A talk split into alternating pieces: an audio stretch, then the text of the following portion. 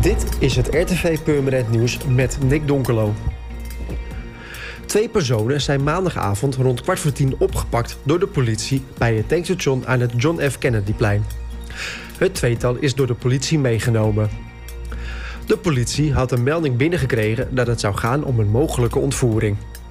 Al snel werd duidelijk dat er niks aan de hand was en al snel werd het tweetal vrijgelaten. Er zullen in het nieuwe jaar een stuk minder bussen gaan rijden. De dienstregeling voor een flink aantal EBS-buslijnen gaat vanaf 3 januari in een afgeslankte versie door. Vanwege de huidige coronacrisis is het aantal reizigers sterk gedaald. Waarschijnlijk zal ook in 2021 de hoeveelheid reizigers achterblijven in vergelijking met de situatie van 2019. De aanpassingen in de regionale dienstregeling zijn volgens EBS noodzakelijk omdat de inkomsten van diverse lijnen sterk zijn afgenomen. Concreet betekent de verandering voor de regio Waterland dat er bussen minder vaak gaan rijden op lijnen met een nu nog hoge frequentie. En daarnaast zullen een aantal lijnen vervallen en gaan de nachtlijnen minder vaak rijden.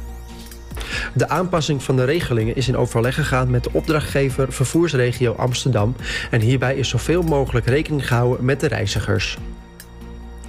Goed nieuws voor de Voedselbank Purmerend. Onlangs heeft de organisatie te horen gekregen dat zij opnieuw het certificaat voedselveiligheid heeft ontvangen. Met een gemiddeld rapportcijfer van een 8,9 is duidelijk dat Voedselbank Purmerend de voedselveiligheid hoog in het vaandel heeft staan. Het certificaat Voedselveiligheid is een certificaat dat laat zien dat de Purmerendse Voedselbank volgens de gestelde eisen van Infoblad 76 en het handboek Voedselveiligheid Vereniging Nederlandse Voedselbanken werkt.